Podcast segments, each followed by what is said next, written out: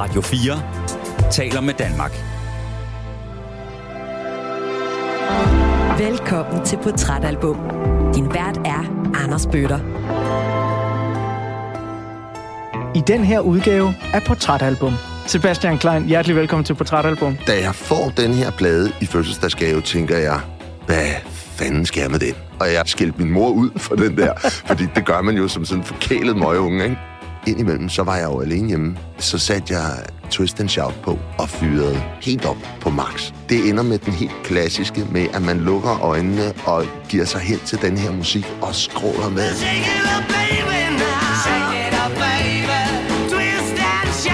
Så lige pludselig så åbner jeg øjnene, og så står min mor og kigger på mig med det der skælmske blik, som kun møder kan have. Det var det der blik, der sagde, jeg vidste, det var en god gave, din skid.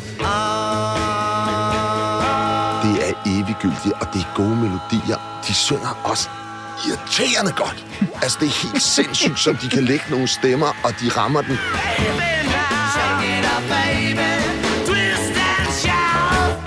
Jeg er jo et eller andet sted adrenalin-junkie. Jeg springer ikke ud i faldskærm eller bungee jumper, men det er jo den samme jagt, jeg er ude på, når jeg går ud i naturen. Rigtig hjertelig velkommen til ugens udsendelse, som faktisk er den første udgave af Portrætalbum, der er optaget her i 2023. Og hvilken start på året vi får. Udover at jeg er helt vild med ugens gæst, som har underholdt mig på tv i mere end 20 år, så har han også valgt et album, der er så fundamentalt vigtigt for alt, hvad jeg har beskæftiget mig med i min karriere som musikformidler, at jeg faktisk har lidt svært ved at rumme det. For igennem de næste to timer, der skal vi, i blandt meget andet, snakke om et af de albums, som har været med til at forme den moderne musikforståelse og den musik- og mediebranche, som både jeg og ugens gæst, på godt og ondt, er en del af. Ja, mine damer og herrer, og alt derimellem og uden for det spektrum, vi skal beskæftige os med 1963 debutalbummet fra selveste The Beatles. Love,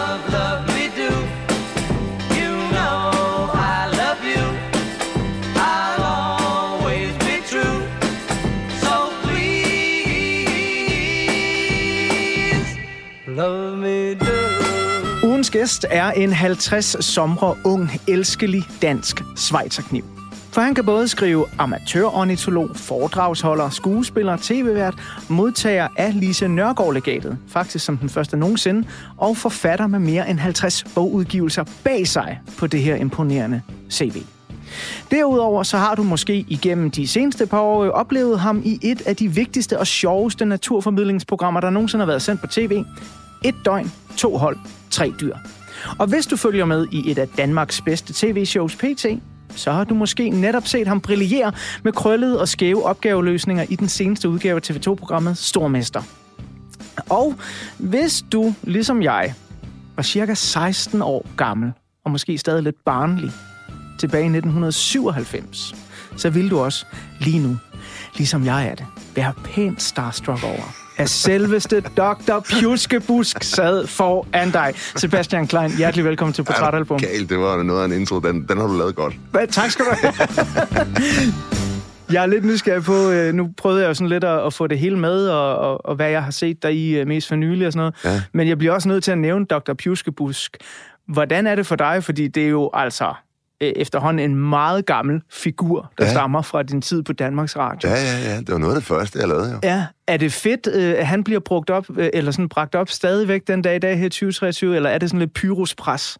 Øh, ja, nej, det er ikke Pyrus længere, fordi jeg har lavet så meget siden, og der er jo ikke nogen, der, der er ikke så mange, der kan huske det. Det er jo folk på din alder, Anders. Ja, ja, okay. Men, men, øh, Siger men, du, at jeg er gammel? Nej, det siger jeg ikke. Jeg siger, at du er ung, for du er jo betragteligt yngre end mig. men men, øh, men øh, nej, jeg synes ikke, det er et pres. Jeg synes, at det var, ja, det var super fedt at lave. Det var skide sjovt. Så øh, jeg kunne godt lide at være Dr. Pjuskepusk, men øh, alting har en ende på en eller anden måde, og øh, Dr. Pjuskepusk blev også uddateret på et tidspunkt, og var nødt til at udvikle sig. Og så blev han jo egentlig bare til mig. Ja, det ja. gjorde han jo lidt. Og det er noget af det, jeg glæder mig meget til at høre om i øh, den her uges portrætalbum. Hvordan er du fra den her Dr. Pjuskebus karakter øh, udvikler dig hen imod øh, Sebastian Klein, øh, naturformidleren, ja. Blandt meget andet. Ja. Øhm, og jeg glæder mig også til del to af den her udsendelse og høre lidt om, hvor du er i livet sådan lige nu.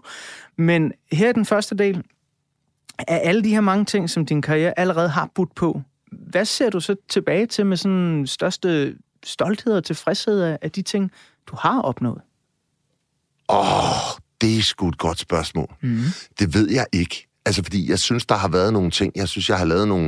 Altså, jeg har også lavet nogle, en masse bras, men jeg har lavet nogle, nogle ting, som jeg er stolt af øh, øh, i tv, blandt andet. Jeg synes, øh, Naturpatruljen, Dr. Pjuskepus, det var enormt fedt at lave. Øh, så lavede jeg jo også nogle andre ting. Så kom jeg ud og rejse og kom til kom, øh, fik lov til at lave programmer i Australien og Afrika og Nordamerika og sådan noget lignende. Og det synes jeg også var øh, evigt fantastisk, og det er jo stadigvæk noget af det, som jeg synes er noget af det sjoveste. Det er jo rent faktisk at komme ud og rejse og se, uh, se uh, fremmede himmelstrøg og se dyrelivet, der, der er langt væk fra baghaven uh, her i København, hvor jeg jo bor til daglig. Jeg hæftede mig ved jo også, fordi at Lise Nørgaard er meget oppe i medierne lige for tiden. Ja. Vi har lige sagt farvel til hende. Ja. Hun er faktisk lige blevet begravet her øh, for et par dage siden, mm. hvor vi sidder og taler sammen. Ja. Øhm, og du var den første modtager af Lise Nørgaard-legatet. Ja. Øh, og jeg fandt hendes øh, motivation frem. Øh, og hun skrev øh, til dig og som motivation, Sebastian Kleins virke har været centreret om at give både børn og voksne en forståelse for naturen og dens mangfoldighed. Et arbejde, som efter min mening har særlig betydning i dag. Sebastian har en enestående evne til at forbinde oplysning med underholdning, og jeg har været dybt betaget af at følge ham og blive klogere på mange ting. Ja, det var det meget, da, meget flot. Ja, det er da helt fantastisk. Og det kom også meget bag på mig, fordi jeg vidste ikke rigtigt, hvad det var. Nej. Altså, øh, jeg fik at vide, at jeg havde modtaget det her legat, og jeg tænkte, at det lyder som fint, og om jeg kunne komme og tage imod det øh, på bakken. Det skulle foregå ude i Matadorbyen i Korsbæk, ude på bakken. Og øh, så tog jeg derud, og jeg havde taget mine børn og min kone med, og så fik vi en tur ud af det. Så tog vi på bakken og hyggede os. Jeg havde små børn. Øh, og jeg vidste ikke, det var så stort, som det var. Det var jo et kæmpe selskab med hundredvis af mennesker, der stod der og skulle hylde mig. Og jeg havde, øh, det var en meget, meget varm sommerdag. Og jeg kan huske, at jeg havde jo, altså jeg svedte som et svin, og jeg stank altså virkelig stank. Så da vi kom derind, jeg sad i skjorter af mig, og jeg, jeg kunne lugte mig selv, og jeg tænkte, det her, det er ikke godt. Og øh, jeg, jeg havde det virkelig, jeg, jeg var virkelig fejlplaceret. Folk var i pænt tøj, og jeg sad der i, i, i shorts og skjorter. Altså, det var helt forkert, fordi jeg havde tydeligvis misforstået opgaven her. Jeg troede, det var sådan, ja, hej, hej, tusind tak, og jeg holder en kort tale, eller et eller andet, og der sidder to mennesker. Og så var det det her enorme selskab, og Lise Nørgaard holder den her fantastiske tale for mig. Og øh, så siger hun, og nu, Sebastian, vil jeg gerne have en bjørnekrammer. Og Lise Nørgaard, bare halvanden meter høj, ja. og hun kan ikke have vejet meget over 25 kilo. Altså, hun, eller, det gjorde hun selvfølgelig, men hun var meget, meget lille. Ikke? Ja, ja, ja. Og jeg tænkte bare, når jeg kommer med mit store læme, som oven i købet stinker, og hun, hun var jo 100 år på det tidspunkt, jeg tænkte, jeg kan jo risikere at slå den her fine, fine dame ihjel. Så det var, øh, med, det var en meget... Jeg prøvede virkelig at beherske mig i den der bjørnekrammer, men øh, hun var voldsomt sød, og det var jo meget fantastisk, og en langt større ære, end jeg havde forestillet mig, inden jeg gik ind. Så på den måde var det meget, øh, øh, følte jeg mig meget forkert øh, under det hele, men, men øh, ikke mindst fordi, at jeg, jeg jo var så beæret over, at det jo var så stort i virkeligheden. Men der er vel også et eller andet i, nu kom vi fra, at jeg spurgte om noget af det, du havde været stolt af. Altså, mm. der mhm. må også være en, øh, en eller anden form for, tænker jeg, e-, enormt stor tilfredsstillelse over at blive, jeg tror, hvis du havde været kunstner eller musiker, så havde man sagt, at du var blevet fremhævet for hele dit virke. Ja, ja, jo, jo, men det er jo også, nu har jeg også sådan et underligt virke, som er lidt det ene og lidt det andet og sådan noget lignende. Så, så, men det hele er jo mere eller mindre centreret om dyr og natur. Og det har det egentlig altid været, fordi det har jo sådan været, det, det er jo det, jeg brænder for, det er det, jeg altid har brændt for, siden jeg var en lille dreng. Så, så det har jo altid været den vej, jeg har arbejdet mig selv, selvom det måske ikke altid har været det, jeg har lavet i, i BAU-sammenhæng, da jeg startede med at lave øh, børnefjernsyn. Der lavede jeg jo også andre ting. Der lavede jeg også sådan nogle andre børneudsendelser, som egentlig ikke havde noget med, med, med natur at gøre. Men det var altid det, som jeg prøvede sådan ligesom at få ind, og på et eller andet tidspunkt, så blev det endelig sådan, så det var mig, man sådan gik til, når det var, at det handlede om dyr og natur. Og det var jeg jo enormt tilfreds med, og øh, har prøvet at lave øh, så meget som overhovedet muligt øh, inden, for, inden for den genre af alt muligt. Altså, men, men, men typisk til at begynde med var det jo børnetv, og så har det jo så øh, også udviklet sig til noget radio, og det har jo så også været nogle programmer for voksne, blandt andet et døgn, to hold, tre dyr.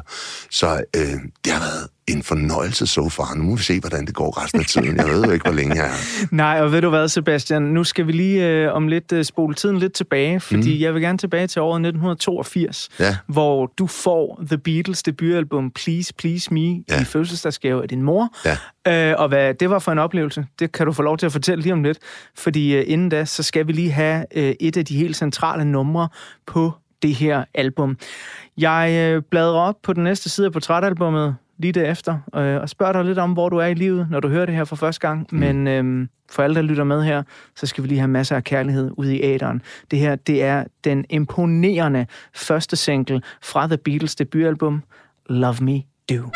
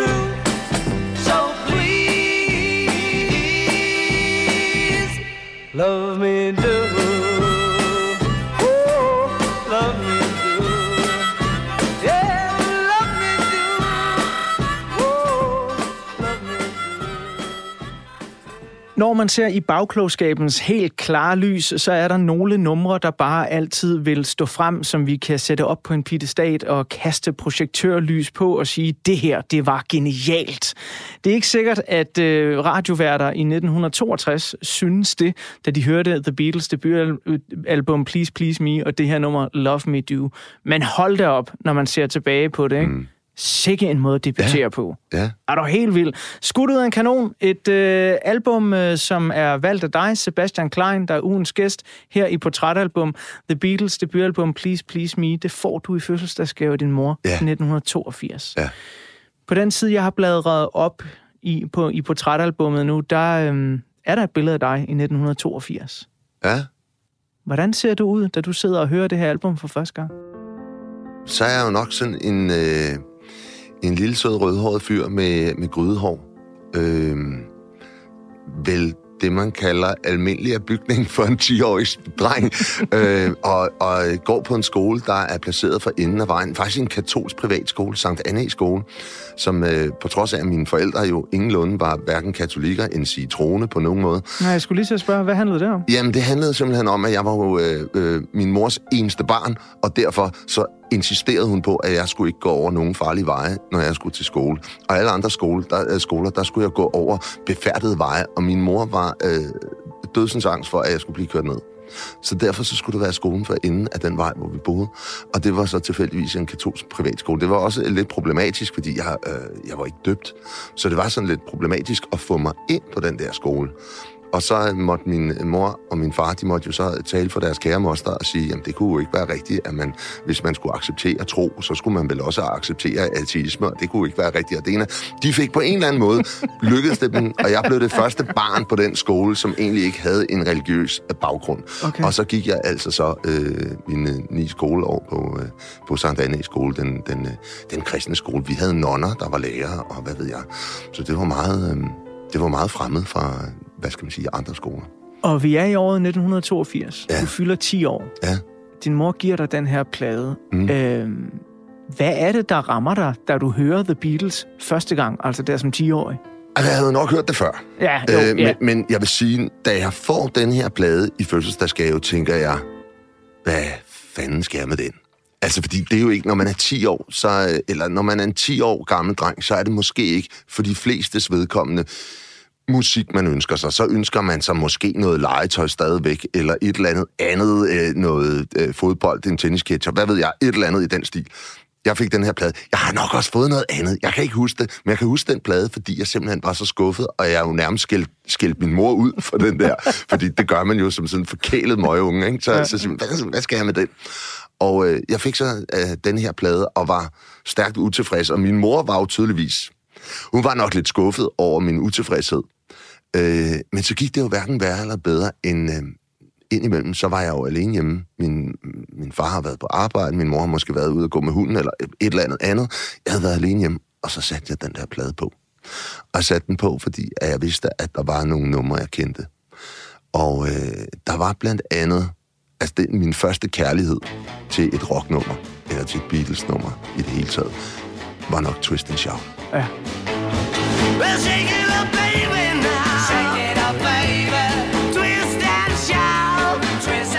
så satte jeg Twist and Shout på inde på mine forældres anlæg inde i dagligstuen og fyrede helt op på max.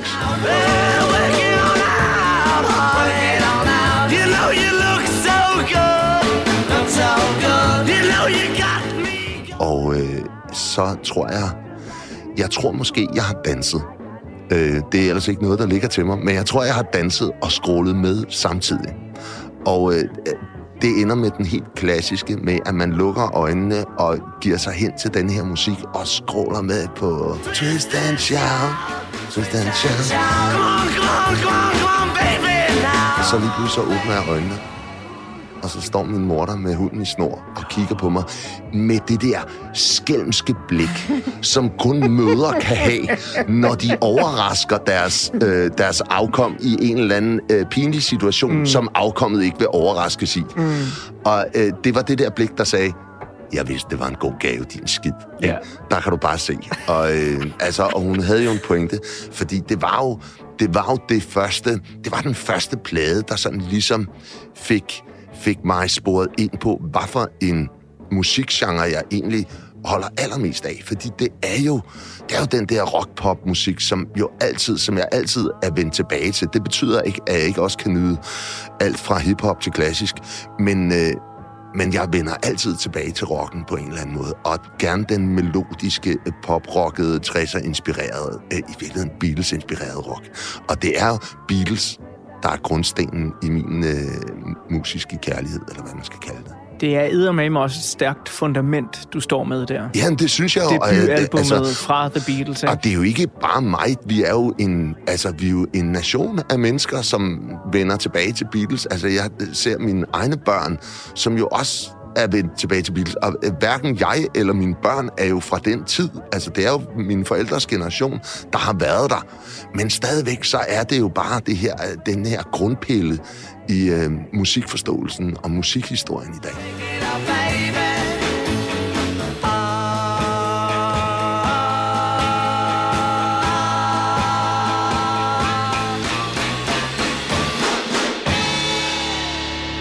Vi skal høre lidt mere fra øh, den øh, grundpille nu. Vi venter lidt med Twist and Shout, fordi den har jeg en pointe med senere, når ah, jeg tegner et lille portræt af Please Please Me. Spændende, spændende. Mm. Nå, det er en cliffhanger, det der. Jamen, det er det nemlig. øh, og Twist and Shout er jo også det sidste nummer på albumet, og det er der faktisk en pointe med, at det er, fordi man vil jo ellers sige, om den der meget, meget energiske sang, øh, som er et af jeres største hits, burde den ikke ligge forrest.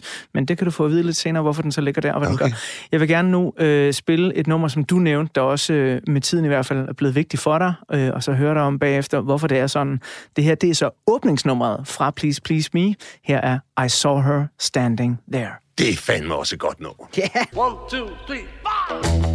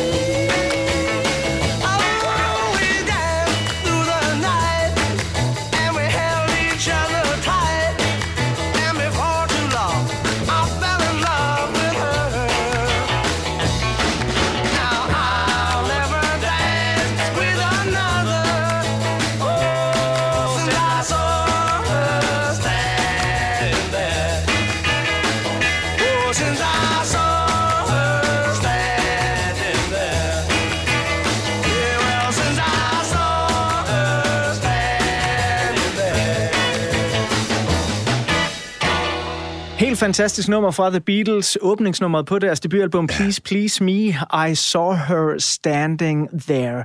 Den starter så fedt, Den starter du. nemlig møg hammerne fedt. Bare ja. tæl ind, og så går vi 1, 2, 3, 4. Det starter ordentlig ramachan med det samme. Altså, der er ja. ikke noget, det holder... Nu skal, vi, nu skal der ud med måske noget.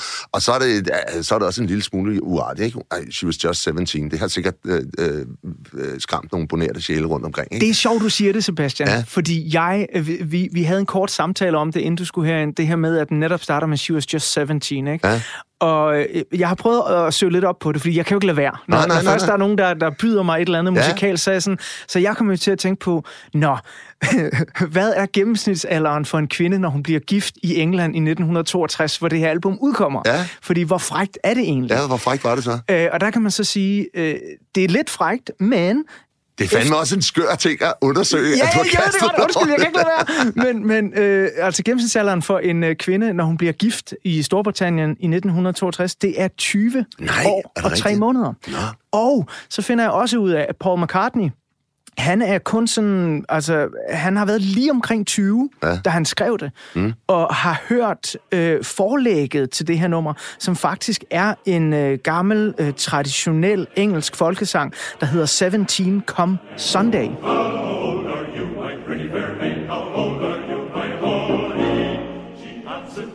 Right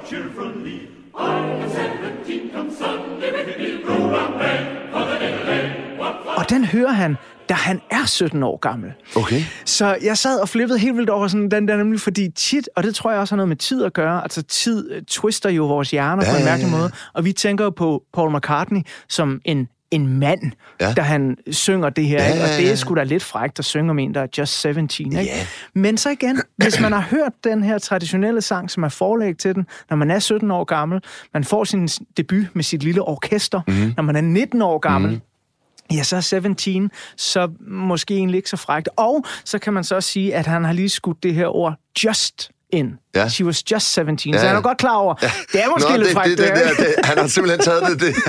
Han, har, han har imødegået alle, alle eventuelle indvendinger ved at sige, she was just, ja, det er Lige nok. præcis. Men ja. vi snakkede om, inden jeg satte det her på, at øh, jamen, dine børn ja. her i 2023, de kan også godt finde på at høre noget Beatles. Ja. Hvorfor holder det så sindssygt godt, som det gør? Ja, men det har jeg jo simpelthen ingen anelse om. Men det er jo det der med kvalitet, der bare holder, ikke? The mm. one with the Duracell battery.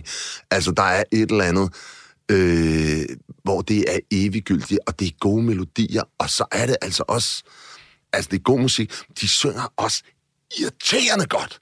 altså, det er helt sindssygt, som de kan lægge nogle stemmer, og de rammer den altså, der er jo ikke nogen, der tænker, vi tager lige det der. Jo, der er masser, der har prøvet at tage et Beatles-nummer og gøre det bedre. Det er bare aldrig blevet bedre. Ja. Altså, det, det er virkelig, virkelig svært at tage et Beatles-nummer og sige, lad os lige lave det på en anden måde, sådan så de bliver federe. Det er med mig svært. Altså, ja, det er meget svært. For du kan godt lave nogle coverversioner af nogle andre numre, hvor man kan sige, ah, hvad, det er en fed version af det der nummer, og er smart, at du lige laver den lidt langsommere der. Det er med mig svært at gøre med Beatles-numre. Jeg vil ikke sige, at det aldrig har gjort. Der er nogle eksempler, hvor jeg synes, jamen, der er der nogen, der har sluppet hederligt fra det. Men øh, generelt set, så, er det, øh, så kunne de det bare og jeg ved ikke, hvordan de har kunnet det, men, men altså, det er jo nogle numre. Hvor lang tid er det siden 60'erne? Var? Hvad, hvad fanden er vi tilbage? Vi er 60 år siden, ikke? Jo, jo. Altså, og stadigvæk den dag i dag, så er det bare de versioner, der er de bedste. Mm. Det er jo for sindssygt. Altså, når, når, når der har været altså, tusindvis af kunstnere, som har prøvet at tænke, jeg napper lige det nummer, ja. nu skal I bare høre min fede version. Det bliver bare ikke lige så fedt. Lige om lidt, så vil jeg øh, tegne et portræt af året 1982, som jo er året, hvor du går og hører den her musik. Ja. Du fylder 10 år, din mor mm. giver dig en gave. Uh, inden vi kommer dertil, så er jeg egentlig lidt nysgerrig på, hvis jeg sådan forestiller mig dit barndomshjem, nu har du fortalt lidt om det, den uh, ja. katolske skole, ja. mor giver dig en gammel 60'er-gave, og du tænker i 80'erne, hvad fanden skal jeg med den? Præcis. Uh, men dit barndomshjem er jo også et, der er fyldt med kultur ja, ja. og kreative kræfter og sådan noget. Ja. Og umiddelbart, når jeg læser om din opvækst, så ligger den muligvis ret langt fra det, du beskæftiger dig med den dag i dag, altså naturen og dyrene. Hvordan kommer det ind i dit liv? Altså naturen? Ja. Det er egentlig et godt spørgsmål. Jeg tror altid, jeg har været interesseret i dyr. Og det har jeg været lige siden jeg var helt lille, for jeg ved, at mit, øh, mit spædbarnsværelse, eller hvad skal man sige, mit første barneværelse, øh, der gjorde min far og min onkel en, øh, en stor ting ud af at male elefanter på væggen.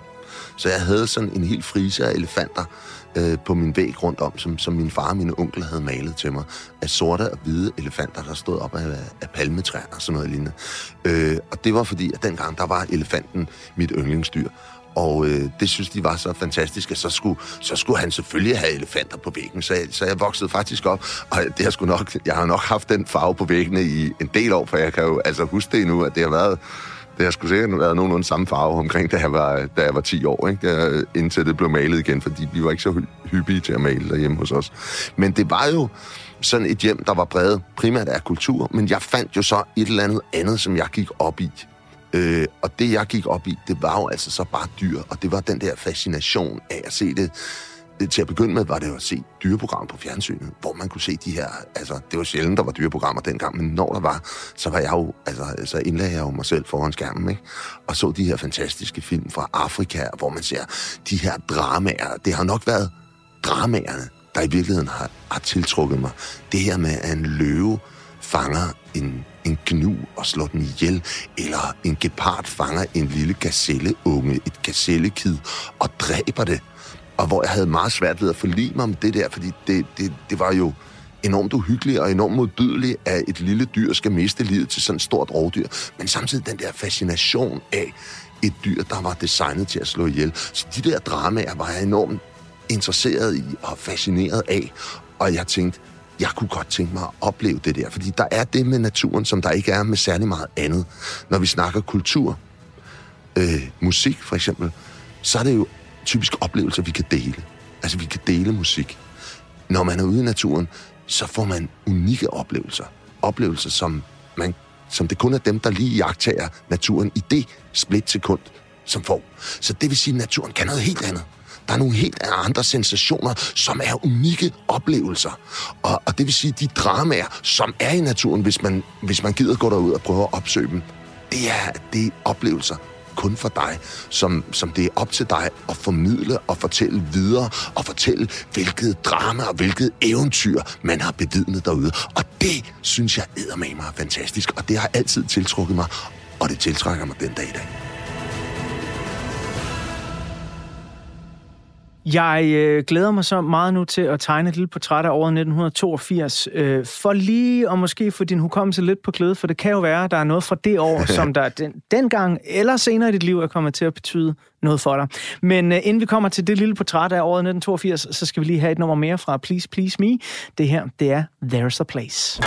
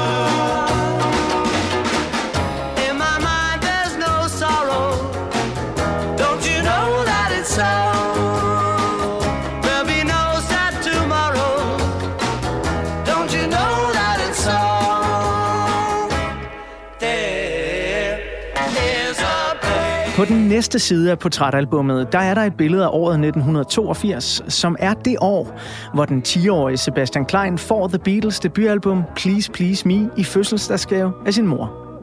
Men hvad er det egentlig for et år, at Sebastian fylder 10 i? Her kommer et kort overblik i vores sædvanlige portrætalbum Årstals Bouillon-terning. Hvis man skal tro forsiden af Time Magazine, så er 1982 computerens år.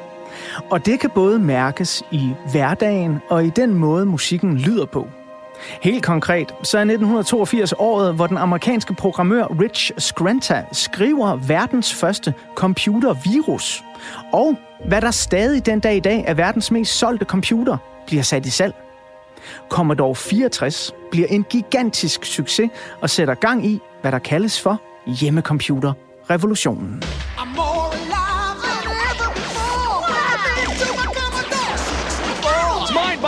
64 lets you play hundreds more games than any video machine, plus draw, program, even do music. Men 1982 er også et år, som er fyldt med uro rundt omkring i verden. På vores egne breddegrader er det mest bemærkelsesværdige nok, at Storbritannien, der udover at kæmpe med den højeste arbejdsløshed siden 2. verdenskrig, især blandt unge, ender i en væbnet konflikt med Argentina. In 1982, the British traveled 13,000 kilometers to regain the Falkland Islands in the South Atlantic. Stridsmålet er herredømmet over Falklandsøerne, som ligger i den sydlige del af Atlanterhavet og har hørt under britisk styre siden kolonitiden. The islands were seized by Argentina a month earlier. The Argentinians claimed sovereignty over the islands and know them as the Malvinas. Krigen varer kun cirka halvanden måned og ender med, at det argentinske militær lider et svinende nederlag. Britterne sejrer, i øvrigt med beboerne på Falklandøernes opbakning, og den argentinske militærjunta mister magten i landet, som igen får indført demokrati. Hvis man gerne vil flygte lidt fra den rå virkelighed med hjemmecomputere og krige udkæmpet i fremmede verdensdele, jamen så er der rig mulighed for at sætte sig til rette i biografens mørke og få storladende fortællinger fra Hollywood i 1982. En af alle tiders største actionhelte, Sylvester Stallone, skriver, instruerer og spiller selv hovedrollen i den tredje Rocky-film. Og ja, det er den med Eye of the Tiger-nummeret og den fede træningssekvens på verdens længste trappe. You had that eye of the tiger, the edge. And now you gotta get it back. And the way to get it back is to go back to the beginning. You know what I mean? Det sker alt imens den amerikanske filminstruktør Steven Spielberg er i gang med at slå sit navn fast som fantasiens mester. Spielbergs to film, gyseren Poltergeist og ungdomsfilmen E.T., bliver nogle af årets mest sete film. Ja, faktisk så blev E.T. den mest indtjenende amerikanske film hvert eneste år fra 1982 og helt frem til 1993. Experience the mystery. Wait, what is it? I don't know. So scary. The wonder. What's happening? The call. E.T. Phone home. Og når jeg nu har besøg af en dyreelsker og naturformidlingsnørd, så er det jo også nærliggende lige at nævne, at den internationale valfangstkommission, IWC, der regulerer international valfangst, i 1982 beslutter, at kommersiel valfangst skal forbydes fra 1986. Her hjemme i den lille danske Annedam, der går bølgerne knapt så højt. Men 1982 bliver alligevel et år med både små lokale og store nationale overskrifter. Den danske kulderekord sættes i Hørsted Thy, da der måles minus 31,2 grader. På Fyn forbydes alle private og offentlige sammenkomster. Og nej, det er ikke på grund af covid-19 eller lignende, men på grund af 15 udbrud af mund- og klovsyge. I København der finder en række ulovlige sammenkomster dog sted.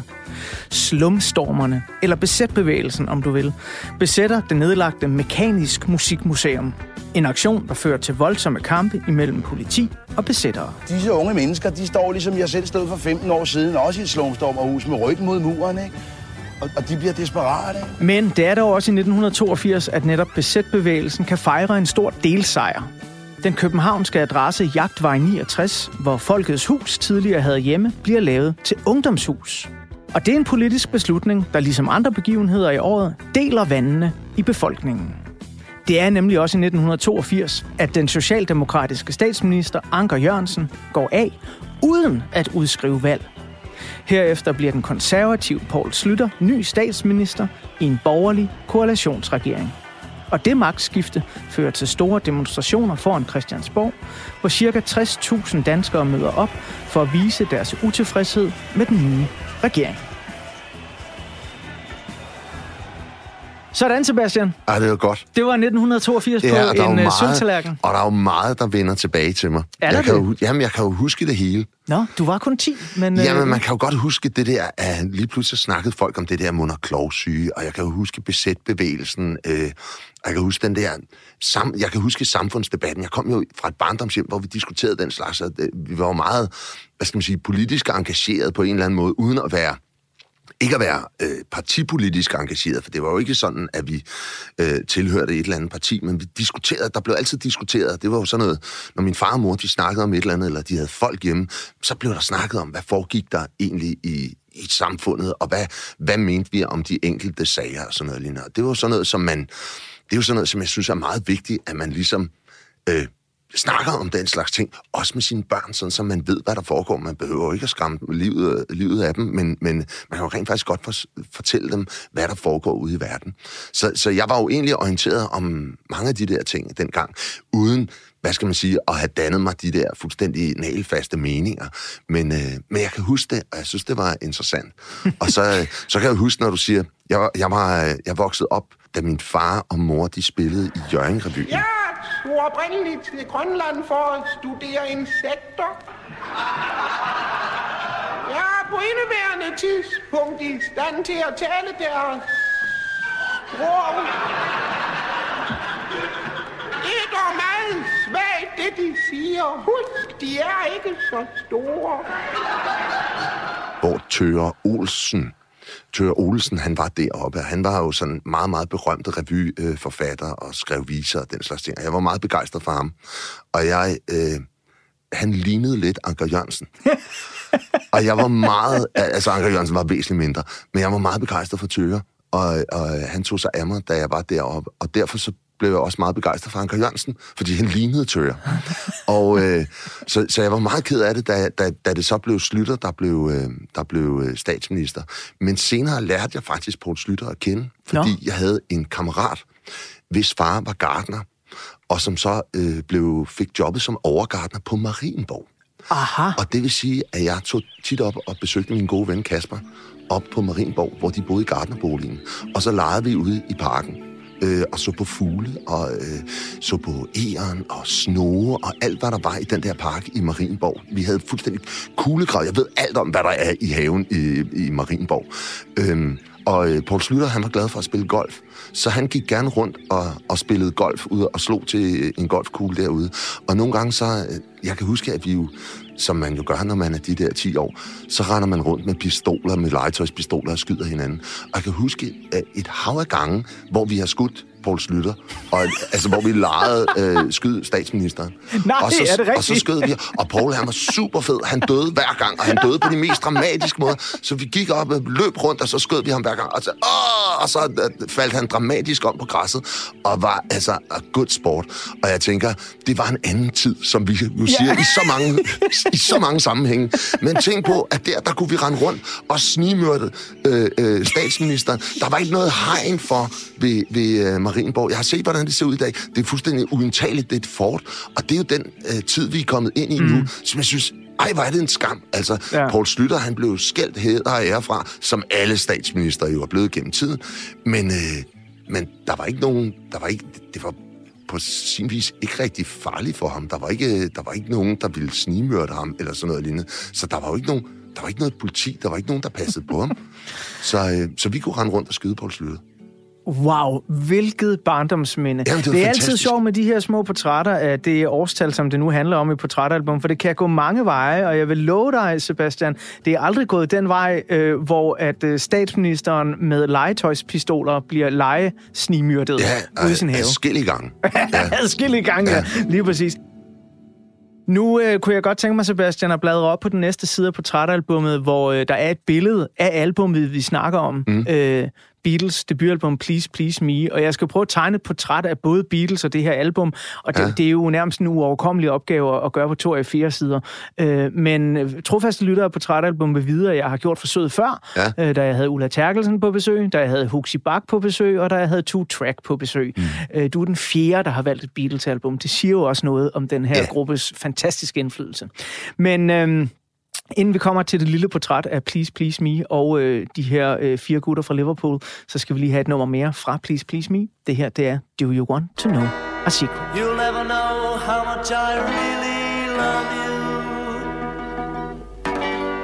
You'll never know how much I really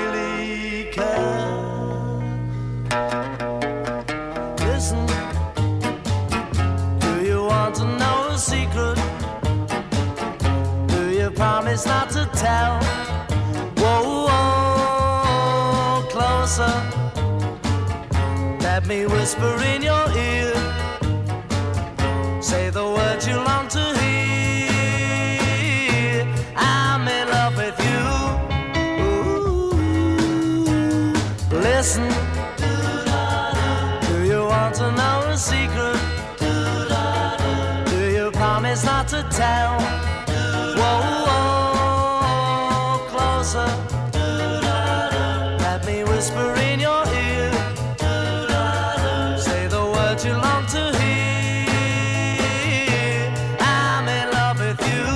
Fortsætter portrættet af Sebastian Klein lige om lidt. Men lige nu der har jeg bladret op på portrætalbummets næste side, hvor der er et billede af The Beatles og albummet Please Please Me. Så hold på hat og hijab, når jeg her tegner et ultrakort portræt af et af verdens vigtigste bands og deres debutalbum.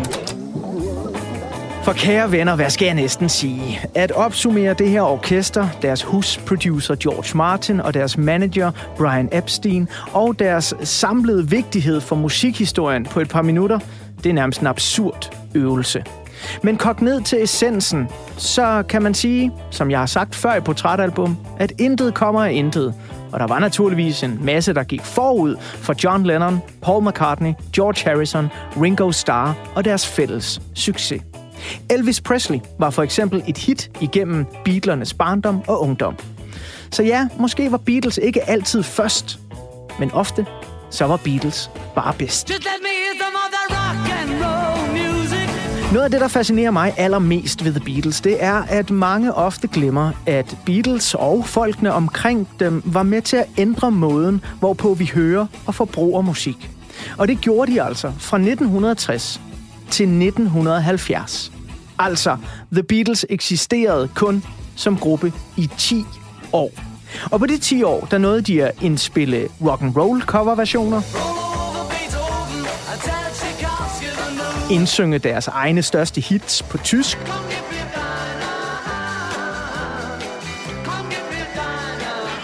redefinere albumkunsten på blandt andet Revolver, Sgt. Pepper og The White Album udgivelserne. Og samtidig så var de også lige spydspidser i den musikrevolution, der langsomt vendede hele verden til, at mænd godt kunne have langt hår, og et ungt band gerne måtte have politiske budskaber i deres tekster. Da The Beatles gik i opløsning, var ingen af medlemmerne fyldt 30 endnu.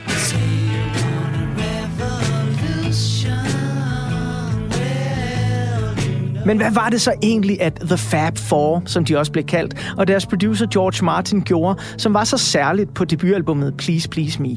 Jo, først og fremmest så er det vigtigt at forstå, at musikbranchen anno 1963, meget i modsætning til i dag, generelt ikke lavede fuldlængde albums og produkter, der var tiltænkt et yngre teenage-publikum.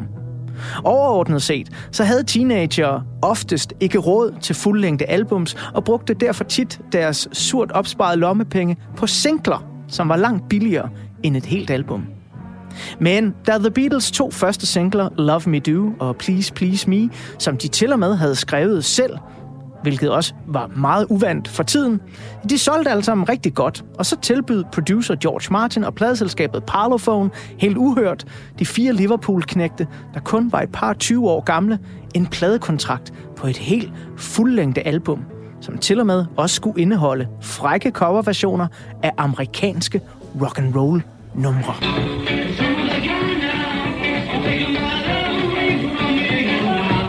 Debutalbummet skulle indspilles hurtigt og billigt. Derfor foreslog producer George Martin, at The Beatles ganske enkelt skulle indspille den setliste, som de spillede i The Cavern Club i Liverpool, som var deres absolute hjemmebane. Og det var endda lige ved, at The Beatles debutalbum var blevet et livealbum. For George Martin han overvejede en koncert på The Cavern Club med det formål at finde ud af, om salen, hvor der var plads til ca. 500 publikummer, ville være egnet til lydoptagelse. Men han vurderede, at akustikken ikke var god nok til en albumoptagelse. Og så var gode råd dyre. For optagetid i et professionelt lydstudie kostede vanvittigt mange penge i begyndelsen af 1960'erne. Men George Martin tog heldigvis chancen og bookede derfor én enkelt optagedag i de nu legendariske Abbey Road studier. The Beatles kom ind og indspillede hele Please Please Me på 9 timer og 45 minutter. En bedrift, der senere har fået musikjournalister til at kalde den her indspilning for de vigtigste 585 minutter i musikhistorien. Det var også en indspilningsdag, der i øvrigt sluttede med, at en meget forkølet og hæs John Lennon gav det aller sidste, han havde tilbage i sin influenzaramte hals, da de optog albumets sidste nummer, en brilliant coverversion af nummeret Twist and Shout. Well,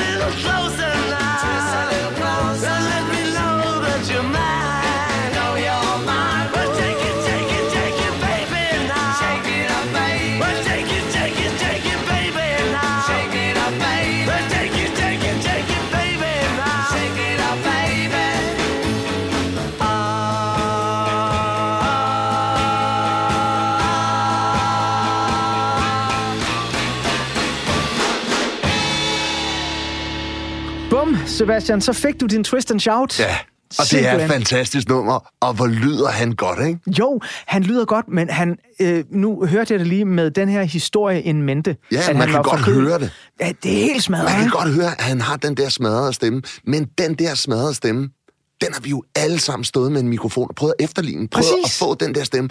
Og netop at få den der, hvor den er helt, den er helt på kanten. Og det der med, at man kan høre, at manden han går til det yderste, Ja. det gør det jo bare altså, endnu mere fantastisk, synes Helt jeg. vildt. Jeg synes, det er sådan et vildt nummer. Jeg synes, det er det vildt. Altså, og det er jo ikke dem selv, der har skrevet det, men jeg synes stadigvæk, når jeg hører Twist and Shout, det er det, det vildeste rocknummer. Ja, og jeg, jeg vil også gå så langt som at sige, at jeg faktisk synes, det er deres version, der er øh, den bedste. Jamen, det er det helt altså, klart. Det, det er jo ikke engang at gå så vidt. Det er den bedste version af, af, af Twist and Shout, selvfølgelig.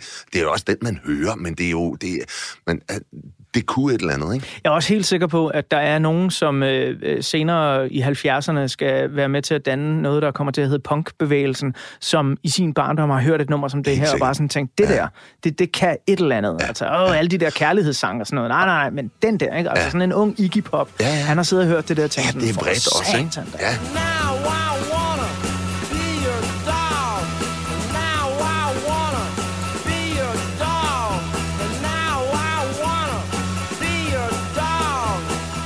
Og så er det imponerende, det vidste jeg ikke, det der med, at de havde indspillet hele skidtet på 9 timer og 45 minutter. Det er jo helt vildt, hvis man tænker i dag. Ikke Øh. et nummer tager, jeg ved ikke, hvor mange dage at indspille. Altså både det og plus bonusinfo. Øh, George Martin har jo kun studiet i samlet 24 timer. Ja. Så indspilning, mixning og hvad man nu skal... jeg ved ikke, om man kan kalde det mastering på det tidspunkt. Det gjorde han på 25 timer. Ja. Så, så hele produktet, vi sidder med i hånden den dag i dag, ja. fra undfangelsen, fra den første tone bliver slået an, til slutproduktet øh, ligger klar til at blive sendt ud i pladebutikkerne 25 timer. Men det kan et eller andet. Altså, og det kan jo også et eller andet, at man laver det lidt primitivt. Take it, take it, take it,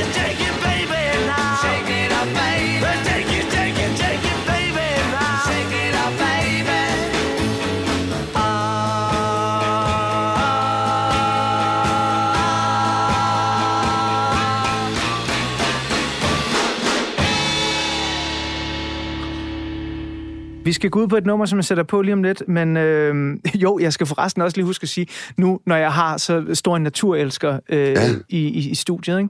du ved, coveret til Please Please Me, altså der, hvor man ser The Beatles øh, stå oppe øh, Ja. på sådan en trappe og kigge ned, Ja. øh, det var faktisk ikke den oprindelige cover-idé til det, no. fordi producer George Martin, han var meget opsat på, at man skulle spille på bandets navn, The Beatles, så man skulle lave et eller andet med biller på Nå. en eller anden måde. Okay. Øh, så for det første så var hans forslag til albummet, det skulle have heddet Off the Beatle Track.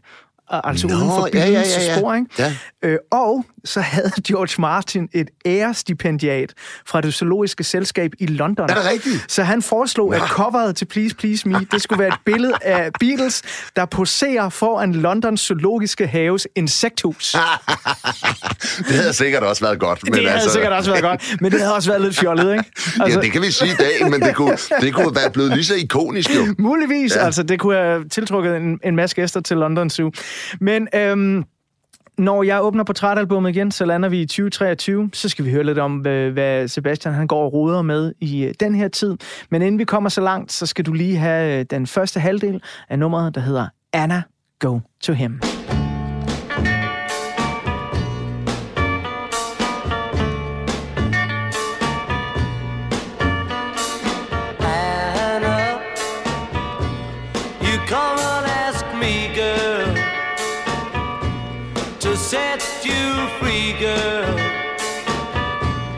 You say he loves you more than me, so I will set you free. Go with him. Go with him. Anna. Girl, before you go now. John Paul George Ringo. Det er nærmest et børnerim. I årvis har man diskuteret, hvem der egentlig var den femte Beatle. Jeg synes ikke, det er helt forkert at sige, at The Beatles er en af de 20. århundredes største myter. Over sommeren sætter Beatles-nørderne Christoffer Lind og Niels Jakob Myge jagten ind på at finde den, som har gjort sig fortjent til titlen. Nu skal vi have det etableret en gang for alle. Hvem var den femte Beatle? Fra store personligheder til anonyme vandbærere, dramatiske livshistorier og tragiske skæbner. Og selvfølgelig med massevis af god musik. Lyt til jagten på den femte Beatle i Radio 4's app, eller der, hvor du lytter til podcast. John Paul George Ringo. Det er nærmest et børnerim. I årvis har man diskuteret, hvem der egentlig var den femte Beatle. Jeg synes ikke, det er helt forkert at sige, at The Beatles er en af de 20. århundredes største myter. Over sommeren sætter Beatles-nørderne Christoffer Lind og Niels Jakob Myge jagten ind på at finde den, som har gjort sig fortjent til titlen. Nu skal vi have det etableret en gang for alle. Hvem var den femte Beatle? Fra store personligheder til anonyme vandbærere, dramatiske livshistorier og tragiske skæbner. Og selvfølgelig med massevis af god musik. Lyt til jagten på den femte Beatle i Radio 4's app, eller der, hvor du lytter til podcast.